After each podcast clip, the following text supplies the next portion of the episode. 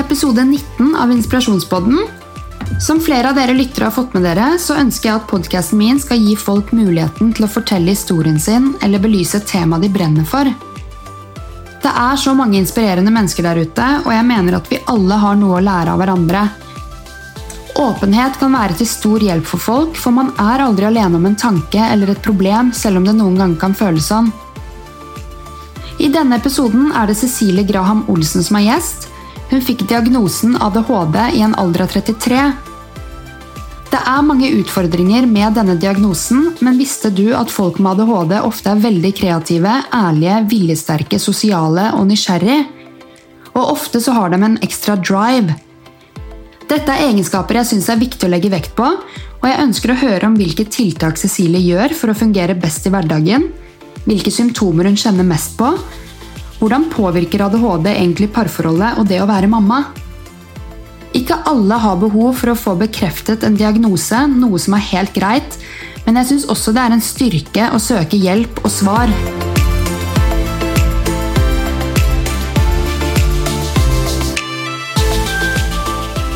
Velkommen i studio, Cecilie. Takk. Eh, I dag skal vi jo snakke om eh, det å få ADHD-diagnosen i voksen alder. Og du fikk jo den i fjor, stemmer det? Ja, det stemmer. Ja. Da vil jeg først høre, hva var det som gjorde at du dro og fikk eh, utreda deg for ADHD? Vet du hva, Det er litt spennende, fordi at uh, jeg satt på jobben og hadde en kaffe med en, uh, en, en veldig nær kollega av meg, og hun uh, fortalte om datteren sin som akkurat hadde fått ADHD-diagnose. Og så fortalte hun om at hun, har, hun hadde så mye lyder og bråk i hodet. og så stoppa jeg opp litt, og så var jeg litt sånn Har ikke du det òg? Har ikke alle det? Mm. for det, det er mye bråk i hodet. Mm. Mye kaos. Så da begynte vi egentlig å google litt, og så spurte hun om kanskje jeg skulle finne ut av det der. Mm. For det hørtes spesielt ut. Mm. Så det var en litt sånn åpenbaring for meg. Når jeg begynte å lese om det på nett. Uh, og se på hva som karakteriserer eh, ADHD, så var det mye som passa. Men hvis du går tilbake til barndommen og ser tilbake nå, har du fått mange svar på hvorfor du var sånn som du var? Ja, jeg har jo det. ikke sant? Jeg har jo sett tilbake på barndommen som en sånn ja, ja, det var vel en, jeg levde i en A4-familie, og det var vel en helt normal barndom, men så har man begynt å nøste i det, og så var det kanskje ikke det. Mm. For jeg har jo fortrengt store deler av barne- og ungdomsskolen og syns at det var kjempevanskelig å være barn. Eh, så det har gitt meg masse svar i form av at, eh, at de vanskelige følelsene jeg hadde, og den lille troa, lave troa på seg selv, da, mm. Eh, det, det, har gitt, gitt, en mening nå. At jeg, jeg var faktisk ikke gal eller uh, Hva skal jeg si? Uh, helt utafor. Det var en naturlig forklaring på det. Mm.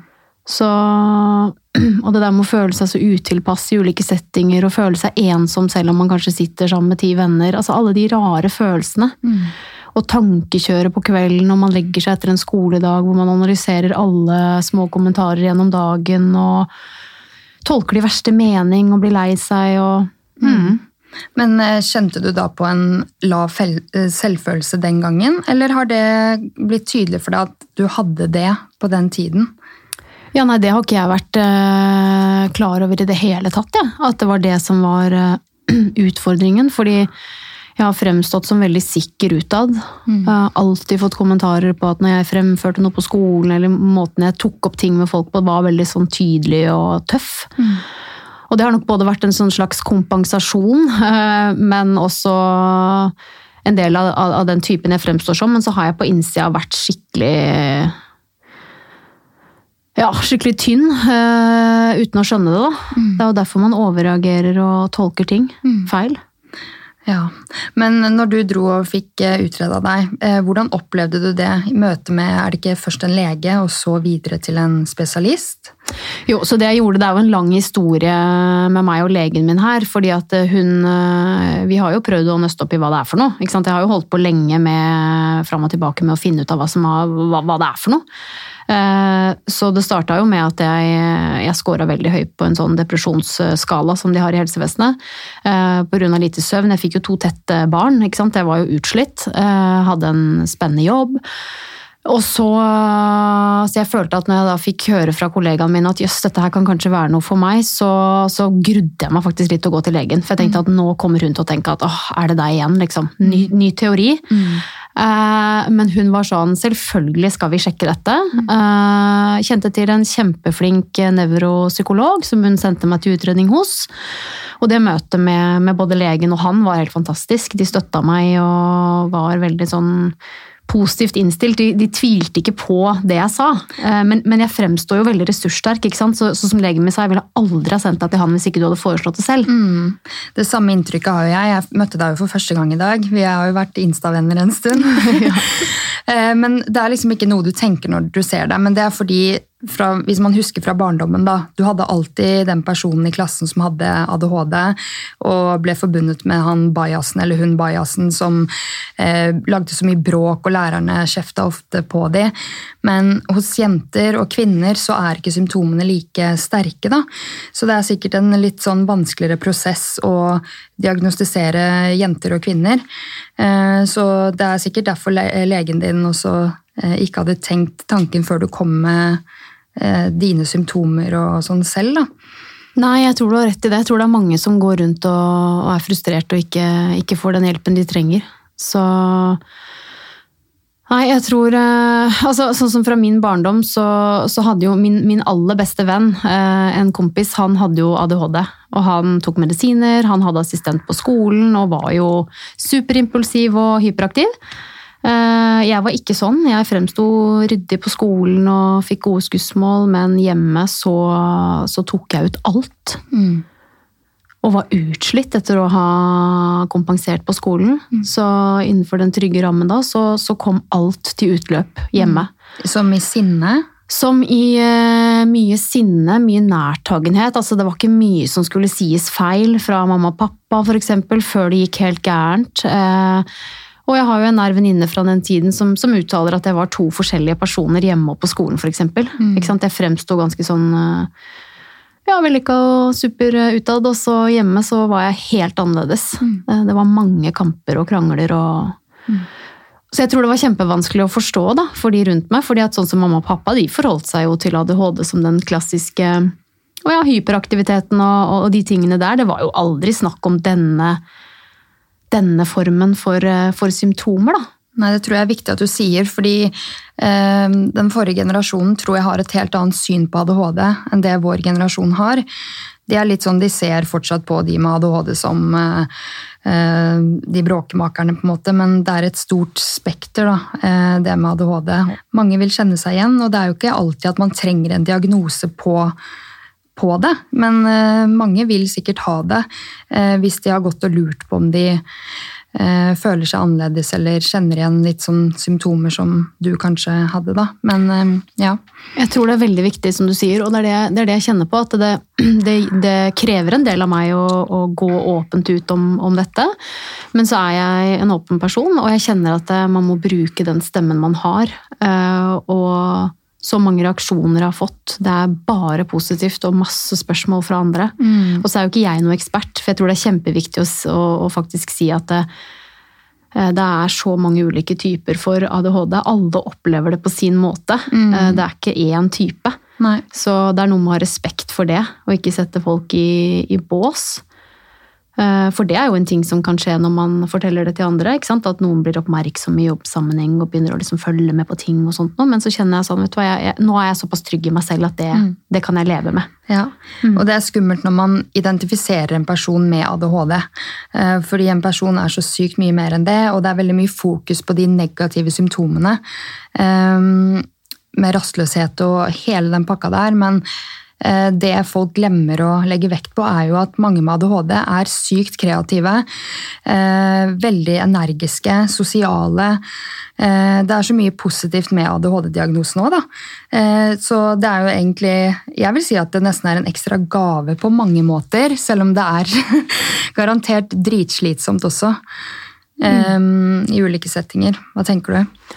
Nei, jeg er veldig enig. Jeg husker jeg, fordi ADHD er jo litt sånn gå all in i ting, ikke sant? på godt og vondt. Noen blir jo spillegale, og andre bruker alle pengene sine på andre ting. Altså, Begynner med rus. altså mm. Det er veldig sånn all or nothing. Mm. Så jeg husker jeg sa til Oskar, mannen min, at åh, det er så irriterende at ikke jeg bare kunne vært sånn sjukt god på å trene, eller bare én ting som jeg bare var helt eh, nailings på. Men som han sa, hvorfor er du ikke fornøyd med at du er helt sykt god på veldig mye? Mm. Og det er jo Det fikk meg til å tenke, fordi at eh, jeg syr, jeg strikker, jeg er god på det jeg jobber med. Mm. Ikke sant? Det er veldig mye gøy man får til, Mm. fordi at man har masse drive og er kreativ. Det er akkurat Så- det, og man tenker ikke så mye risiko heller, og konsekvenser når man hopper inn i ting.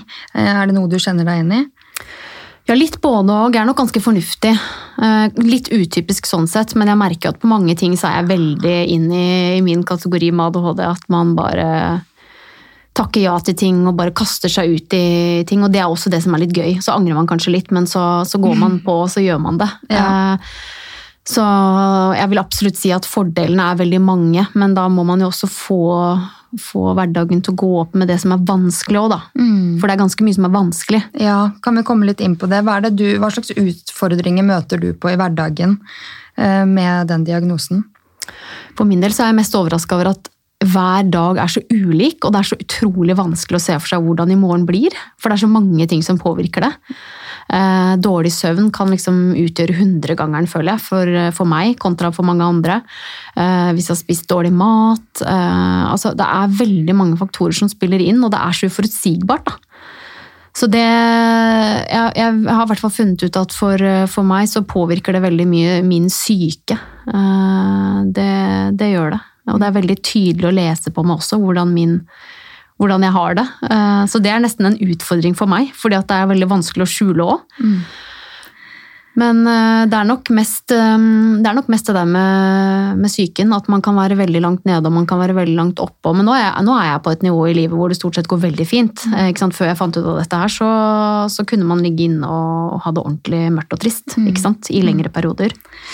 Nå har jeg vært litt i tvil, vi snakket jo sammen litt før vi gikk inn her, om jeg skal eh, dele litt egne tanker og refleksjoner, eller om jeg skal la være. Men eh, jeg kan jo like greit si det, for jeg tenker åpenhet er dritviktig. Eh, som jeg sa til deg, så skal jeg jo selv utredes for ADHD nå om et par uker. Eh, og jeg kjenner meg igjen i veldig mye av det du sier, og veldig mange artikler og folk som står fram med den diagnosen.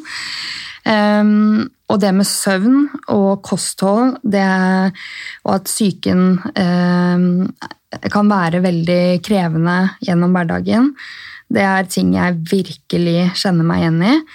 Um, jeg reagerer så dårlig på lite søvn, og til og med hvis det er seks-syv timer. Uh, det kan ødelegge hele dagen min og hele mindsetet mitt. og jeg blir veldig preget av dårlig kosthold, som du også sier at du blir. Um, og så har jeg på en måte alltid skilt meg litt ut på godt og vondt fra jeg var barn. Da. Jeg har jo en søskenflokk på fire um, med meg, hvor vi er veldig ulike. og jeg kunne ofte bli kalt det sorte får da jeg var yngre, fordi ja, jeg gjorde ikke alltid som jeg skulle på en måte etter regelboka. Eh, Testa grenser. Um, ja, hadde et utrolig stort spekter av følelser, noe som jeg fortsatt har i dag. Da. Um, og utrolig mye sint, men også utrolig glad. Uh, ja, jeg hadde jo ikke akkurat tenkt å dele dette her, egentlig. Så jeg skjønner det er litt sånn Jeg har ikke forberedt meg på hva jeg skulle sagt om meg selv, da, men uh, Det er så bra at du deler det. mm, Jeg tenker det er så viktig. Og det du er inne på der i forhold til det med å teste det og sånt noe, det er, så, det er så variabelt på tvers av landet, har jeg inntrykk av. Det har alt med hvem du kommer til. Så jeg tenker du skal være så bevisst da, når du nå skal inn i den fasen, på å dra fram den ressurssterke delen av deg og kreve et ordentlig svar. mm, Fordi det opplever jeg så mange ganger, at folk sier til meg at de blir avvist. eh, altså jeg hører jo om barn også som blir avvist hos BUP fordi at eh, symptomene ikke er fremtredende på flere enn én arena. Eh, Eller ikke, altså det skal helst være på to arenaer at du ser symptomene. Eh, Og for min del, i mitt liv, så har det kun vært på én arena. Og det har vært så tydelig, og det var så tydelig under den testingen av meg at jeg hadde den diagnosen, uavhengig av antall arenaer. Så jeg syns det er eh, veldig firkanta. Eh, og ja, veldig variabelt eh, hvordan de ulike som eh, både henviser og gjør selve kartleggingen, eh, gjennomfører det. Mm. Så det er mitt sånn største råd. Eh, ikke gi deg. Mm. Det er det jeg har kommet lengst på, eh, og som jeg syns eh, har gitt så mye at jeg har bare fortsatt å kjempe. Jeg skulle ha svar. Mm. Og det er ikke noe sånn i seg selv at, man, eh, at målet er å få en ADHD-diagnose. Det er ikke det jeg sier. Nei, nei. Men det, veldig, det er jo deilig å kunne kjenne at man stoler på det eventuelle negative svaret. Og at Det ikke det er fordi at du føler at du ikke blir hørt. Mm. Nei, det er jo en stor forskjell da, om man føler seg sett og hørt, eh, eller om man faktisk har fått god oppfølging, men de ikke har funnet ut at uh, dette her er ikke ADHD. Og da, kjempefint begge deler, men dette her handler veldig mye også om mental helse, fordi eh, som sagt, man, eh, man ser på ADHD som en veldig sånn fysisk uro, men det, er, det sitter så mye i hodet da. Eh, Dette er kun fordi jeg har lest mye om det, at jeg vet. Ikke fordi jeg har fått bekreftet ADHD-diagnosen enda. Men eh, eh, anbefaler du andre å teste seg hvis de er i tvil og kjenner igjen mange symptomer? Vi snakket jo litt om det, Tina, i forhold til dem. Og er, det, er, det, er det viktig å vite det? Har det gjort en forskjell? Er det egentlig så farlig? For meg har det gjort eh, alt. Fordi at eh, nå er det så mye lettere å takle de dårlige sidene ved det, fordi at man har en knagg å henge det på. Man går ikke hele tiden og lurer på hvorfor man eh, føler seg så gæren og, og annerledes. Eh, ikke minst for partneren sin del. Det er ikke lett å leve med, med en med ADHD. Eh, så jeg syns jo det, hvis du kjenner at du har et struggle, så syns jeg jo at man skal, skal lete etter et svar.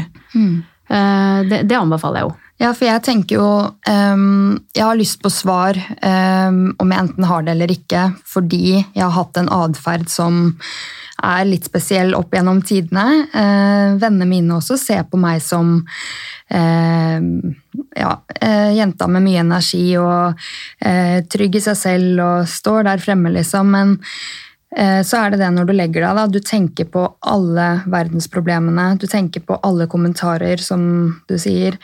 Um, du, det er akkurat som at hjernen din det er helt kaotisk da, når du legger deg. Og for alt jeg vet, kan hende at dette bare er sånn veldig mange har det, og at det ligner på ADHD. Men eh, det er veldig interessant å høre på deg som har fått det bekrefta, og hvordan du eh, lever med det i dag eh, som 34-åring. Um, For min del så føler jeg det er veldig det der uforutsigbarheten. Det er litt sånn, sånn som vi snakket om at, eh, at noen kan trekke paralleller til at man er bipolar. Altså det, det, det er jeg jo ikke enig i, men jeg forstår jo hva man mener. Fordi at man kan være så høyt og lavt om hverandre. Og det er så mye tankekjør, og eh, man kan være inne i en diskusjon, og så plutselig så tenker man på noe nytt, og så begynner man å snakke om det, og så blir det helt sånn rart for andre. Så det må man jo virkelig skjerpe seg på og ta seg i. Og så kaster man seg ut i ting og sier ja, og så er det sånn ah, angst rett etterpå. ja, ja. Eh, Og det er jo det folk rundt skal forholde seg til. da. Og så er det det med at, eh, at jeg hører eh, alle lyder sterkere enn alle andre. føler jeg. Altså Hvis vi sitter og ser på en serie på, på kvelden, så, så kan mannen min bli helt gæren. Fordi at jeg kommenterer alt av liksom sånn små pirking på en negl, Ja. lyder ute som Nei. han overhodet ikke hører. Det er sånn oversensitivitet så! Jeg på alt. Det er sånn når jeg sitter og ser på serie med Gard også, og hvis han bare sitter litt med hendene sine, så er jeg sånn Slutt! Det er helt slutt, forferdelig. Slutt! Altså, jeg får helt sånn spasmer i kroppen av å tenke på de, at han sitter og fikler med hendene sine eller neglene Ja, sine. det, er, eh, det er ting ingen andre ville reagert på, som selvfølgelig irriterer de. Men hadde de kjent hvordan den lyden fremstår i hodet mitt, så tror jeg man hadde forstått det. ja, ja. Men det blir jo mer altså, Det er vanskelig. Det er kjempevanskelig.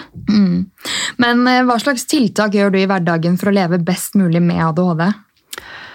Det har vært et kjempestruggle. Det må jeg bare si, og i hvert fall for de rundt. Eh, Jeg tror det har blitt veldig mange, mye fokus på dette her for, for Oskar også, som eh, skal henge med på alle de berg-og-dal-banene mine. Men nå tror jeg liksom at jeg har landa, og det er eh, Jeg gikk til en sånn ernæringsfysiolog, fordi at jeg leser jeg, Det er heldigvis da, at jeg har ADHD, for da går man jo all in. Så jeg har jo lest hele Google og faglitteratur og andre typer bøker, ikke sant. Og har eh, ønsket å prøve de naturlige tingene før medisiner og sånn. Så jeg har gikk til en ernæringsfysiolog og fikk hjelp, så vi hadde en sånn, eh, eller gikk på en sånn elimineringsdiett, er det det det heter? Eh, hvor jeg kuttet ut alt, og så introduserte jeg en og en ting. Og det ble jo dessverre ganske sånn massivt, fordi at jeg kan jo ikke spise nå, har jeg funnet ut, både gluten, havre, eh, melkeprodukter og eh, egg. Ok, Så det er ikke en del av kostholdet ditt? Det er ikke en del av kostholdet mitt. Og med melkeprodukter så er det da melkeprotein, så det, jeg kan ikke ha laktosefritt heller. Uh, det er klart det er en, en total forandring i mitt liv. Mm. Uh, men men uh, det er ikke en overdrivelse. fordi at når jeg spiser de produktene, så kan jeg enten bare si natta dagen etter fordi jeg blir deppa og kjempesint. Mm. Eh, eller så blir jeg helt fjern. Jeg får en sånn brain fog som er helt uh, jeg, jeg, får ikke med meg noen ting. Mm. Det er helt fjernt. Så for meg har det vært helt, helt vilt hvordan det har, har, hjulpet meg. Men fortsatt, etter å ha gjort den endringen, så er det jo mye som er vanskelig. Så det er jo ikke sånn at jeg føler at jeg er helt kurert, på en måte, og det krever jo at jeg står i det hver eneste dag hele tiden. Mm. Jeg bør legge meg til samme tid. Jeg må i hvert fall stå opp til samme tid uh, hver morgen. Uansett helg. Mm.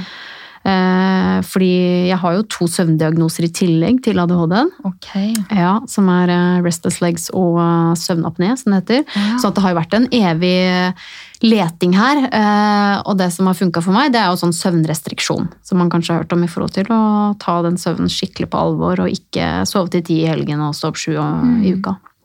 Det krever utrolig mye av meg, og jeg har jo fallouts. Mm. Eh, men det straffer seg ordentlig, for da mm. blir livet miserabelt, rett og slett. Da er jeg destruktiv og negativ og helt annerledes enn jeg egentlig er. Mm. Det er helt vilt hvor mye jeg kjenner meg igjen i alt det du sier. Og kanskje noen som hører på, tenker ja, men herregud, Tina, folk reagerer dårlig på søvn. Det er vanlig at vi reagerer dårlig på lite søvn. Um, men dette her er til next level, liksom. At jeg, jeg blir uh, en annen person ja. med bare de to timene som å opp og amme om natta, som jeg fortsatt gjør. Eh, så den sammenhengende søvnen eh, har så sykt mye å si. Eh, og det er så bra du nevner liksom det med søvn og kosthold og hvor viktig det er i er, Ser du på det som en del av behandlingen din? Ja, mm. absolutt. Og trening, ikke minst. Mm. Jeg hørte på den poden din med han, er han hjerneforsker? Han du, ja. mm. Ole Petter. Eh, Ole Petter. Det var så utrolig motiverende, fordi at det, det, det har jo hjulpet meg så mye å trene, komme meg ut og få sitt eget lille space også. Det er så viktig. Jeg har lyst på flere episoder med han, fordi eh, jeg tror ikke folk tenker over hvor mye kosthold og trening er en medisin i seg selv mot veldig mye. Um, så jeg skal prøve å få til en episode med han om det òg. Eh, kosthold og søvn. Um, det synes jeg det høres lurt ut. Jeg tenker også sånn i forhold til arbeidsgiver også. Det å motivere de ansatte til å ha et aktivt liv. Legge til rette for det. Du får mer fornøyde folk, altså. Mm. Jeg har mange ganger tenkt at uh, egentlig burde alle arbeidsplasser ha en halvtime eller time eh, med hvor man skal være fysisk aktiv ja, i arbeidstiden. Eh, og ikke at man blir fratrukket lønn, men at det er en del av arbeidstiden. da. Det tror jeg er kjempesunt. For, for psykisk helse også. Alt. Mm. Og, og det, det, merker jeg forskjell på. De dagene jeg trener om morgenen, så er jeg mye bedre rusta. Mm. Eh, rent psykisk og rent sånn uh, i forhold til å være bright. Ja. Mm. Jeg er så glad vi spiller inn i dag, fordi jeg hadde en skikkelig bra start. Jeg har sovet ganske godt i natt. Fått gått en lang tur med babysen i frisk luft. Og eh, det gjør så mye, da. Hadde vi spilt inn i går, f.eks., så var dagen min helt annerledes. Altså, jeg var så destruktiv. Og ja. starter dagen med liksom altfor lite søvn og null energi. Eh, og man kan godt si at ja, men det er en del av det å bli mamma, eh, men eh, man reagerer ulikt, og man må finne sin måte å leve best mulig på. Er enten du har ADHD eller en annen diagnose eller ingenting, tenker jeg. Men når det kommer til symptomer, hva er det du kjenner mest på da? Hva er dine typiske symptomer?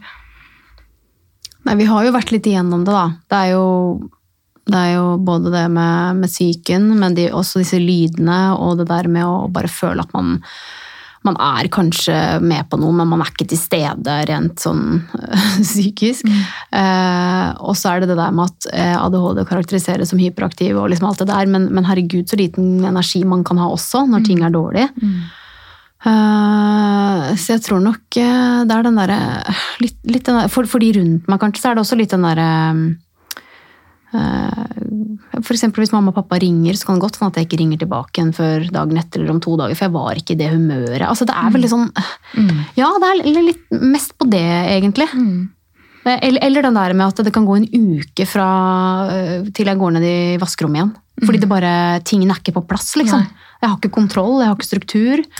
Eh, og så er det det at hvis, jeg er, hvis det er mye som skal skje, og det er kaos inni meg, så kan det i hvert fall ikke være kaos sånn rent eh, visuelt rundt meg. Da blir det helt kaos. Jeg, kan, jeg kan lage kaos av veldig små ting.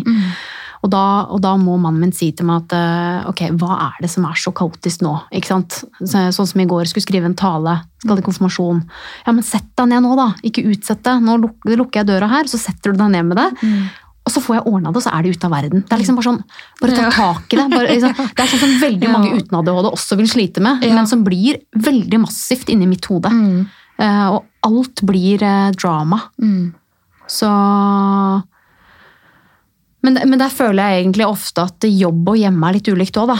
Ja, for hvordan eh, preger den diagnosen liksom parforholdet, først og fremst? Eh, nei, den har prega parforholdet opp igjennom i form av at eh, det har vært vanskelig å forholde seg til meg. Ikke sant? Jeg har kunnet blitt veldig sint over ting og uh, ta beslutninger på vegne av oss begge to hvor vi ikke har snakka om det sammen, for, eksempel, for jeg tenker at dette er en glimrende idé, og jeg er impulsiv. ikke sant? Sånne type ting. Eh, og eksempel i oppdragelsen, så er, det, er jo jeg som sagt veldig impulsiv, så jeg kan kaste ut en ting til barna før vi to har diskutert det. Det er jo ikke noe positivt. Han vil jo gjerne at vi skal ta en fot i bakken, men jeg har dårlig tid. Jeg syns det er en god idé. Sånne ting er utfordrende for han, da. Mm. og, og, så, og så tror jeg det har vært en lettelse for han å få vite om det, for at å, nå kan vi kanskje lande de der ballene mine med diagnostisering og finne ut av ting. Jeg tenker det har sikkert vært til stor hjelp for han også. Eh, sånn at han kan være til enda større hjelp og ha enda større forståelse for hvorfor du gjør sånn som du gjør. da. Eh, og hvorfor du er i det humøret eller tar de valgene så impulsivt. og eh, Jeg også får høre at jeg er kjempeimpulsiv. Og ja, det er vanskelig å forholde seg til meg når jeg er sint. da. Ja, Sinnet mitt er bare så utrolig stort når jeg er sint, og så er jeg så sykt glad når jeg er glad. Men vennene mine opplever ikke så mye av det, i hvert fall ikke i denne alderen her.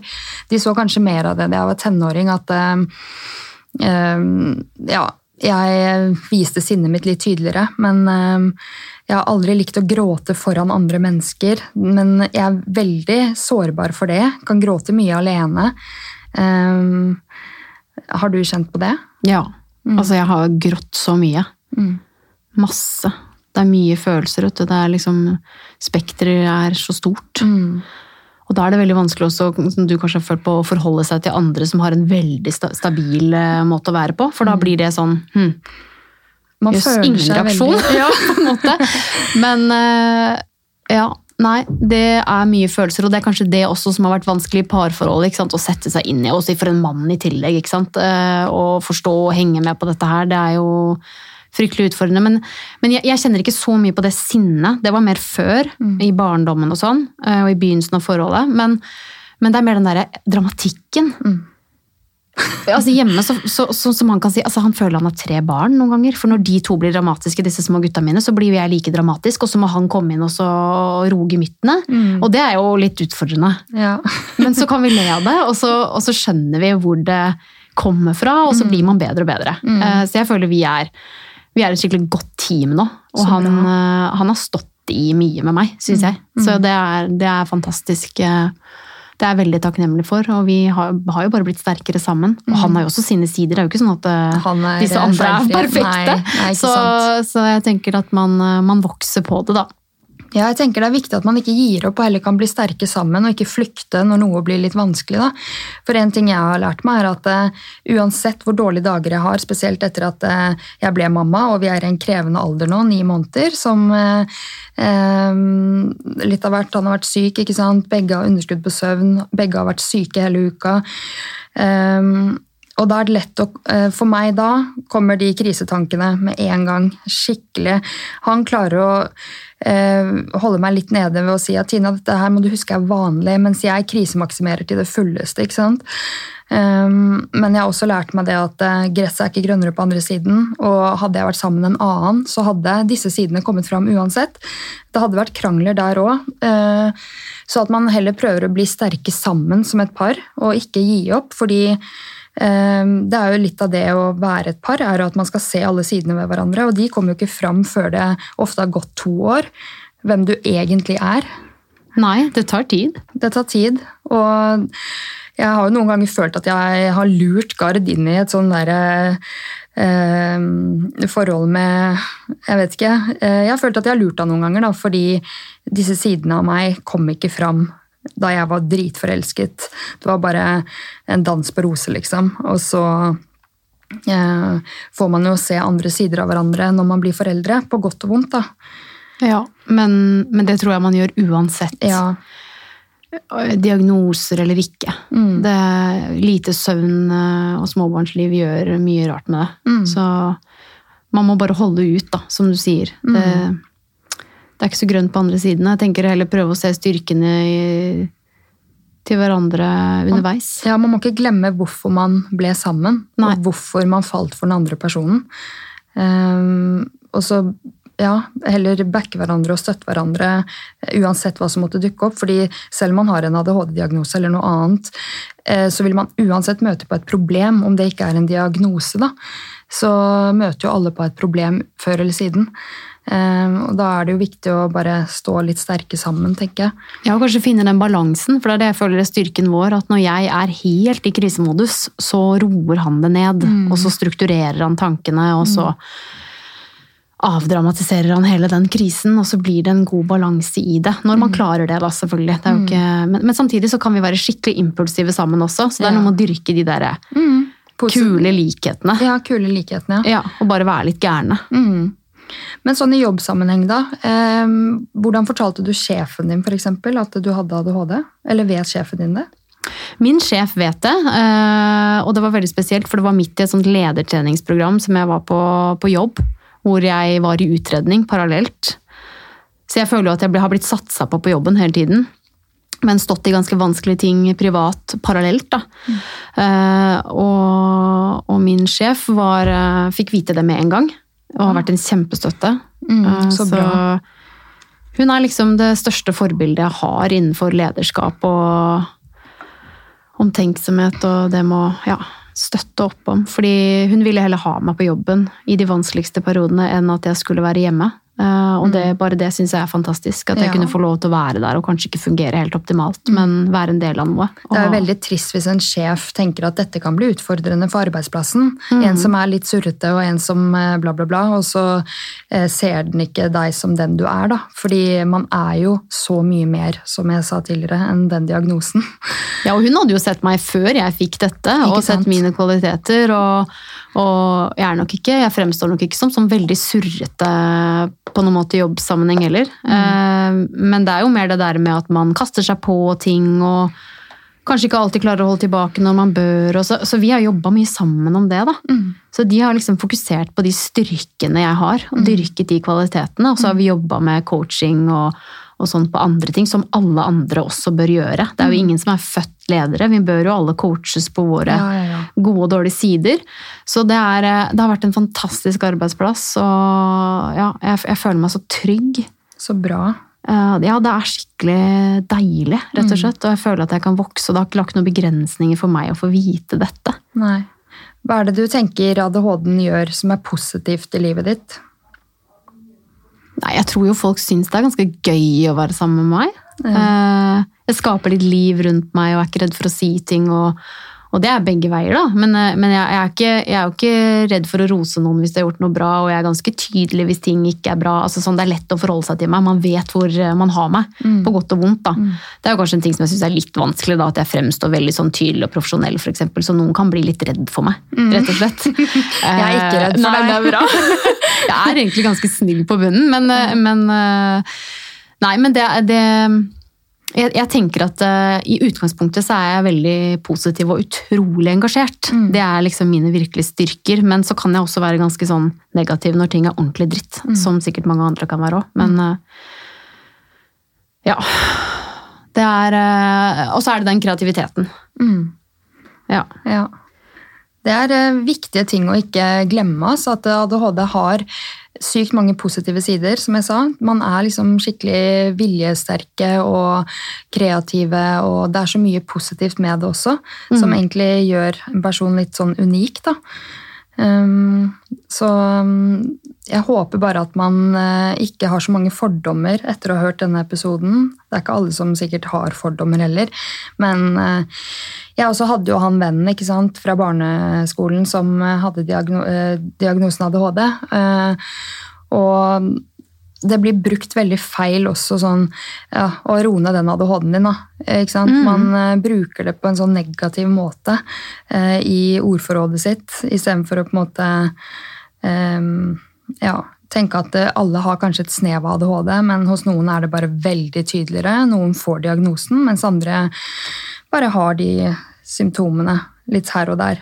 Mm, så er det noe med at man ikke bare skal bli identifisert med de fire bokstavene. Man ja. er jo en person. Mm. Det der skal jo ikke definere en. Så, så, det er jo kanskje det som er vanskelig for de som får vite om det i ung alder. At de blir eh, satt i en bås, og det er det som er dem. Ja. Og det, det, er jo kjempeskummelt. Det har jo jeg sluppet. Mm. Selv om jeg selvfølgelig har hatt masse vansker med å ikke ha visst det heller. Mm. Men eh, det, er jo, det, er, det, er jo, litt skummelt, akkurat det der. For vi må ikke glemme at vi er mennesker og har våre kvaliteter helt uavhengig av de bokstavene. Akkurat det. Men hva vil du si er den viktigste behandlingen for deg? Nei, For meg så, så, er det jo den litt sånn naturlige behandlingen. Jeg har ikke prøvd medisiner. Uh, fordi at det er litt sånn lei. Jeg har uh, prøvd mye rart opp igjennom. Uh, og har lyst til å være meg. Mm. Selv om det sikkert hadde vært kjempedeilig før et vanskelig møte på jobb og kunne tatt en tablett, og så hadde man følt at man bare klarna hodet og sånn, men det mm. er alltid noen bivirkninger, og jeg skal mm. ikke si at jeg aldri skal prøve det ordentlig. Men akkurat nå så frister det ikke. Nei. Og Det syns jeg er fint du sier, fordi som vi var litt inne på i stad, fysisk aktivitet og kosthold tror jeg kan gjøre mye. Eh, og siden du på en måte fikk diagnosen litt sent, da, eh, så har du jo på en måte funnet en eller annen måte å fungere i hverdagen på før du fikk diagnosen. Eh, bare at du kanskje har blitt enda mer eh, klar på hvordan du har lyst til å fungere. Mm. Um, og så vil jeg jo si Det er veldig stor forskjell synes jeg, på barn og voksne. fordi jeg kan jo drikke den der bedritne sellerijuicen om morgenen og holde meg for nesa og synes at det smaker vondt, men jeg får ikke barna mine til å drikke det. Mm. Eh, eller kutte ut 100 matvarer. ikke sant? Så, så jeg tenker at eh, jeg tror det er kjempeviktig at hvis man har et barn som har ADHD, for eksempel, at man vurderer alle alternativer. fordi at jeg har mm. veldig mange som jeg kjenner som har sagt at uh, de har hatt en vanskelig barndom på skolen og ikke fått medisinering. ikke sant? Mm. Og har gått glipp av så mye undervisning. Mm. Har ikke hatt de forutsetninger for å lykkes uh, i skolen. Og, det, og, da tenker jeg at uh, da, da, bør man jo være åpen for ikke bare det naturlige, men mm. også medisiner. Så jeg er ikke motstander av det på noe som helst vis. Jeg, det det syns jeg man må, må, teste ut hvis det er et behov. Mm. En ting jeg har tenkt på da, Når man er liten, så er man jo også veldig sårbar. Og hvis man har ADHD, enten man vet eller ikke, så eh, kan man ofte få litt kjeft av læreren foran, alle sammen. Og nå er du litt urolig, eh, nå lager du bråk for resten av klassen. på en måte. Man har jo alltid de lærerne som ikke bryr seg om at du Eh, får kjeft foran de andre elevene. Og jeg tenker, ikke, eh, jeg tenker, at det er ikke så lur måte å gjøre det på. Da. Jeg hørte på podkasten Hjernesterk hvor de sa at eh, hva med å f.eks. Eh, si til den urolige eleven da um, kan ikke du, Nå ser jeg at du har masse god energi. Kan ikke mm. du bare ta løpe rundt skolen, og så kommer du tilbake og har litt mer fokus da? liksom? Ja, Det er noe med å ikke skape de stigmaene, da. Ja. Og den ydmykelsen, for det husker jeg mye fra min egen barndom. Den mm. ydmykelsen hele tiden man skal ikke undervurdere hva det gjør med et barn. Mm. Og, det, og, det, er så viktig når du hører Herman Flesvig også snakker om læreren sin. Hva hun har gjort opp gjennom for han som har gjort at han er den han er i dag. Mm. Det er ikke tilfeldig det. Eh, fordi at eh, man, man, er så avhengig av at de lærerne man får, mm. faktisk gir deg det du trenger. Da, og gir ja. deg den forståelsen. Det er så mange triste historier. Og jeg har ikke hatt et stabilt eh, hva skal jeg si, jeg har ikke hatt mange eller, eller, hva skal jeg si, stabile lærere opp igjennom. Jeg har hatt veldig stor utskiftning, mm. og det skaper ikke trygghet og forutsigbarhet i det hele tatt. Nei. Så det har så mye å si da, hvem du mm. treffer, og om de faktisk eh, evner å se deg og mm. dine utfordringer. Mm. Så det Uff, nei, det er Men nå som jeg har blitt mamma selv, har jeg tenkt så mye over de tingene. At uh, sønnen min skal snart begynne i barnehagen, uh, så går årene fort, og så begynner han på barneskolen. Og hvis lærerne da skiftes ut støtt og stadig, det er ikke noe stabilt og trygt med den personen som skal egentlig følge deg opp, da. Og hvis han skulle møte på noen utfordringer, at uh, Tenk hvis læreren ikke ser ham for den han er, men på en måte bare kjefter foran de andre elevene. og eh, Jeg får helt vondt av å tenke på det, så jeg håper liksom at det, eh, det blir litt endringer på skolen nå. At ikke det er så mye eh, utskiftninger og eh, at de kan se hver enkelt elev. Da. Veldig mange lærere gjør jo det, men man hører jo om venner som har barn på skole og sånne ting, hvor det ikke er sånn. Nei, du skal liksom passe inn i den der A4-modellen. Mm. Og så er det noen som evner eh, på sin egen måte å tilpasse det. Men det er jo ikke tilrettelagt i dag for at man skal kunne legge opp til helt forskjellig type undervisning for ulike eh, utfordringer. Da. Nei. Så det, det er litt eh, vanskelig. Mm. Og sånn som vi, jeg føler vi har barn på en sånn, ja, litt sånn prestisjeskole. Det er veldig mye lekser, det er veldig fokus på, på gode leveranser, for å si det sånn. Og det, det, det syns jeg er både negativt og positivt. Jeg syns det er eh, Det er tøft å være foreldre. Mm. Og skulle slippe de ut i den verden og ikke Ja. kunne påvirke alt. Mm. Men så må man det òg. De må jo lære seg ting, de òg. Ja. Så får man bare stå der på sida som støttespiller og prøve så godt man kan. Mm. Tror du barna dine merker eh, noe til ADHD-en din? Ja, Ja. absolutt. På hvilken måte da? Nei, både litt sånn at jeg kan være litt eksplosiv øh, og uforutsigbar, men, eh, men også den der impulsiviteten og Mm. Har du hatt en samtale med de om at du har det, og hva det innebærer? Ja, Ja, ja vi prater veldig åpent om, eh, om det hjemme. så bra. Mm, men vi prøver jo å fokusere det positivt, da. Ja, det er men viktig. Men det, det er veldig For det er jo ikke negativt. Det er det jeg har så lyst til at folk skal skjønne da, etter denne episoden. eh, At det er, det er ikke noe negativt, selv om man møter på sjukt mye utfordringer med den diagnosen. Så eh, er det mye positivt med det òg. mm, og flere enn vi vet har det, spesielt kvinner. Ikke sant? Ja, og det er, jo sånn- utrolig hva man kan få til. Ja, ikke sant? Man må bare dyrke de positive tingene med at man er kreativ og eh, har en ekstra drive, da. Mm. Men eh, har du en drøm sånn som eh, du har lyst til å få til i fremtiden? Er du en drømmende person? Eller trives du der du er nå? Jeg er egentlig ganske lite drømmende, men jeg har en liten drøm uh, om framtiden. Uh, sånn jobb- og karrieremessig. Det har jeg nok. Men jeg, jeg er usikker på om jeg har guts nok til å ta den ut. For jeg, jeg trives veldig godt med å styres, eh, styres av andre og på en måte vite hva jeg går til òg. Ja, Men du kunne ikke tenkt deg noe eh, å jobbe med noe innenfor ADHD? Jo, Ja. egentlig. Hva det er litt det jeg drømmer om. Gå med en liten tanke i magen, men eh, ja, vi får se om den settes ut i livet. Ja. Kanskje vi skal starte noe sammen, Tina? Ja, herregud. Jeg satt akkurat og tenkte på det. Det er sånn Jeg har nettopp møtt deg, så bare sånn, vi skal ikke bli gründere sammen. Nei, jeg tror kanskje det kunne vært noe. Ja, men det er så mange ting jeg engasjerer meg i, eh, og det også er eh, litt krevende for meg, fordi jeg eh, ja, eh, engasjerer meg veldig for seksuell helse og ungdom. At de skal ha god informasjon og eh, forstå seksualitet tidlig. Eh, Det er én ting. Og så eh, er det jo dette med ADHD, som jeg fint eh, kunne liksom satt meg inn i, enten jeg har diagnosen eller ikke. Eh, og på en måte normalisert det litt mer og eh, gitt folk kunnskap. Og så er det det med mobbing, hvor viktig det er. Nå er det jo mye fokus på mobbing i skolen, da, men eh, man kan liksom aldri engasjere seg nok i det, fordi det er jo kjempeskadelig eh, for de som går gjennom det som barn.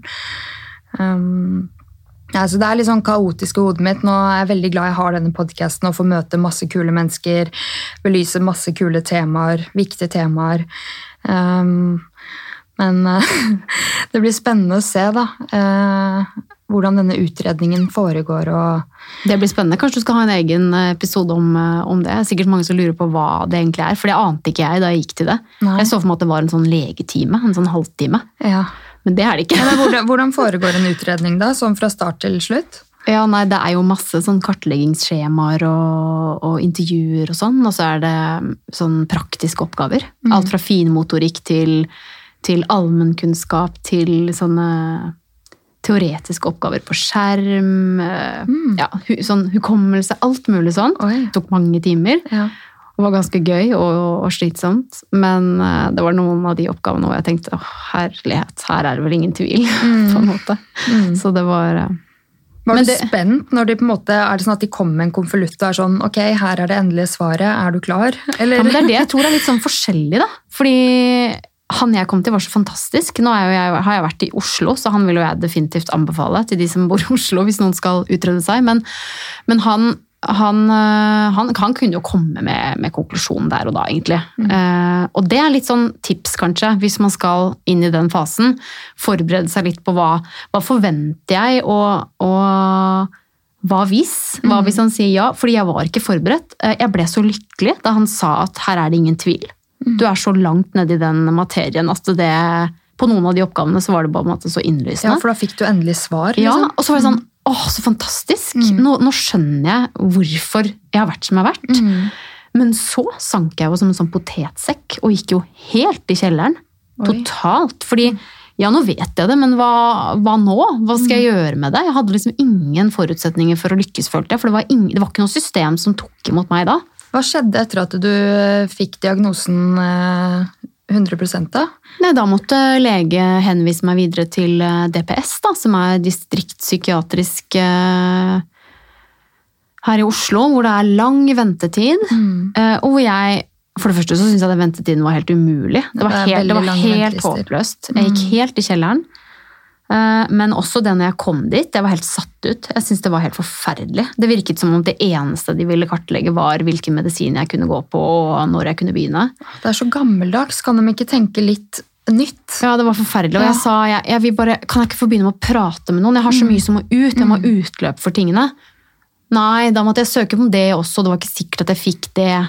Så her handler det om å ha egne midler. Altså Jeg må bruke mye penger selv da, på å få snakke med noen og finne ut av ting. Og kjempedyrt å gå til den ernæringsfysiologen også, men det var det jo verdt. Mm. Men, men det, det var liksom sjokkarta for meg. Og det er kanskje det jeg også tenker litt på sånn i magen, som en liten sånn tanke til fremtiden. Hvordan kan man, hvordan kan man gjøre om på det der? Ja, Så først så var det på en måte en lykke, og så gikk du litt sånn ned i en depresjon, eller? Ja, det vil jeg absolutt si. Og hvordan kom du deg opp igjen fra det da? Tok det lang tid? Nei, altså Jeg har gode støttespillere rundt meg, da, og det var jo spesielt hun, eh, hun nære kollegaen min som har en datter også, som har vært gjennom det samme, som, som var en sånn kjempegod støttespiller under, underveis her, og som tok skikkelig tak. ikke sant? Sendte meg rundt og fikk eh, sørga for litt hjelp til meg. Men også har jeg jo måttet bare ta tak i det selv òg. Jeg husker ikke helt hva det var som gjorde at jeg kom helt ut av det, men jeg jeg fikk vel en sånn awakening da jeg var hos den DPS-personen som ikke hadde noe å bjuda på. At jeg måtte, her måtte jeg bare Mm. stå, stå opp for meg selv og gjøre noen grep. Så man må på en måte være forberedt på at man kan få en liten knekk hvis man drar og tar en sånn utredning. I hvert fall hvis du forventer at det skal skje noe etterpå. Ja. For det skjer ikke noe etterpå. Nei, ikke sant? Du tenker liksom 'yes, nå har du fått svar', og så bare står du på egne ben og bare hm, Ja, hva skal jeg gjøre nå? Og dessuten når jeg kommer til DPS, så forventer jeg jo at da er det et, eh, at man blir eh, presentert et slags opplegg. da, ok? Du kan enten gå denne veien, du kan gjøre dette.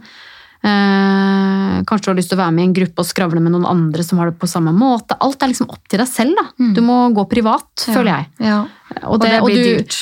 Det blir dyrt, og du, er, og du vet jo ikke hvem som er best på dette her. Det har jeg søkt etter hele tiden. Hvem er det som kan denne, dette faget? Eh, og så er det jo det der med at de vil ha deg fortest mulig ut også, ikke sant? av opplegget. Uh, så du får ikke noen sånn lang behandling og mange timer der til å gå og snakke med noen. Det trengs flere fagfolk på dette feltet, da, med andre ord. Ja, og så syns jeg helsevesenet må åpne opp litt. altså Tenke litt sånn alternativt. Eh, hjelpe mennesker til å finne en livsstil og en hverdagsform som gjør deg lykkelig og fornøyd. Ja. Tenk hvis eh, man kunne implementert det i helsevesenet. En coach eller eh, noen som faktisk kan følge deg litt opp etter å ha fått enten en diagnose eller etter man har vært gjennom en traumatisk behandling eh, kroppslig, liksom. Det er så mye helsevesenet mangler, da. Mm. Så Særlig innenfor psykisk helse. Ja, ja, ja. Så det er det som er, eh, er tungt, da. Mm. Du, det har vært eh, skikkelig fin prat, syns jeg. Ja, det har vært kjempegøy. Kjempegøy at du ville, ville ha meg med. Ja, selvfølgelig. Og det var veldig hyggelig at du hadde lyst til å dele historien din. Mm. Eh, er det noe mer du har lyst til å si? Altså, det er det sikkert, men eh, før jeg begynner på de faste spørsmålene? Eh, nei, det er eh, Jeg bare oppfordrer alle som lurer på ting ved seg selv, og som syns at noe er veldig vanskelig, til å gå videre med det. Ja. Bare finne ressursen inni deg, og ikke gi deg. Mm. Det tenker jeg. det Ja, fordi det for er, en, det er en styrke å søke hjelp mm. Og søke svar. Um, det er fortsatt litt tabu å skulle um, ja, få en diagnose på noe, føler jeg. Men uh, jeg håper at folk kan være litt mer uh, åpen for at vi bare er mennesker, da, alle sammen, og dealer med vårt. Og ingenting, ordet normal, fins egentlig ikke. Nei, det tror jeg ikke. Også, altså, lite tips til det er å ikke gi seg hvis man opplever at man kommer til en behandler man ikke har kjemi med eller ikke blir tatt på alvor av. Da, skal man, da skal man faktisk, da har man rett til å få en annen. Ja. Selv om det er vanskelig. Mm. Det har jeg opplevd før. ja. Mm. Yes, er du klar, da? Hvordan starter du uken best mulig? Mm, jeg har ikke noen faste ritualer, men jeg burde jo trene og spise sunt og starte sånn riktig. Legge en plan for uka. Og, Mm. Men jeg skal ikke si at jeg klarer det så veldig ofte. Nei. Nei. Nei, men det er lov, det. Um, Det er jo vanskelig å Jeg beundrer de som klarer å ha en fast rutine hver søndag, hvordan de skal starte uken på mandag, liksom. Mm, Ofte så glir man litt ut. det kan du si. Eh, Hvordan finner du motivasjon til å snu en dårlig dag til en god dag? Åh, det kommer veldig an på, på dagen. Det, det, ofte så er det nok å snakke med andre som jeg syns er positive. Mm. De kan lett snu meg. Men jeg er veldig dårlig til å snu meg selv, syns jeg. Hvis jeg har kommet inn i et dårlig spor. Åh, jeg kjenner meg igjen. Ja, Man bare Så ringer de der energikildene, Ja. rett og slett. Det er akkurat som at man starter en dårlig dag, og så lar man den dagen bare fortsette. fortsette. verre. Ja, blir Ja. verre. Verre og verre og verre. Man graver seg ned. Mm. Så det Nei, ring en som gir deg energi. Ja, Mm. Godt tips. Hva er du takknemlig for? Åh, det er så masse. Jeg er takknemlig for at jeg har fått en så fin familie, så fantastisk jobb, at jeg bor der jeg bor. Alle de der eh, tingene som gjør at jeg har et fint liv. Da. At vi bor i Norge. Mm. Jeg tror jeg er ganske god til å være takknemlig, egentlig. Mm. Over veldig mange rare, små ting. Ja, jeg tror det er viktig å være takknemlig over de små tingene. Ja, sånn hvordan kaffen smakte i dag. Og, Ja. altså alle sånne uh, Ja. Mm. Jeg føler den, altså, fordi hvis jeg våkner på morgenen og det ikke er mer kaffe igjen, så kan jeg bli skikkelig Ja, det er grusomt. Det er grusomt. Men når kaffen er der, så er det bare sånn Da smaker den så godt. Å, ja. Bare lukten og Ja. Nei, det er mange små ting, altså. Og de der eh, når morgenene plutselig gikk smooth med barna og Mm. ting bare åh nei, da sitter man igjen etterpå og er så glad, altså. ja. Og er takknemlig. Og så må man ofte tenke at det, det er andre som har det verre. Mm. Man skal få lov til å synes synd på seg selv av og til, men man, man må ikke grave seg ned. Nei. Hva inspirerer deg? Du? Eh, nei, jeg vet jeg blir Jeg har blitt så glad i eh, å høre på hva andre driver med. I podkast så Når jeg trener, har jeg funnet ut at jeg syns det er nesten mer digg å høre på sånne type ting enn å høre på musikk. Fordi at jeg blir så glad av andre som får til ting. Eh, så jeg jeg blir, jeg blir veldig inspirert av mennesker som unner andre godt, og som liksom heier. Mm. Det blir jeg veldig inspirert av.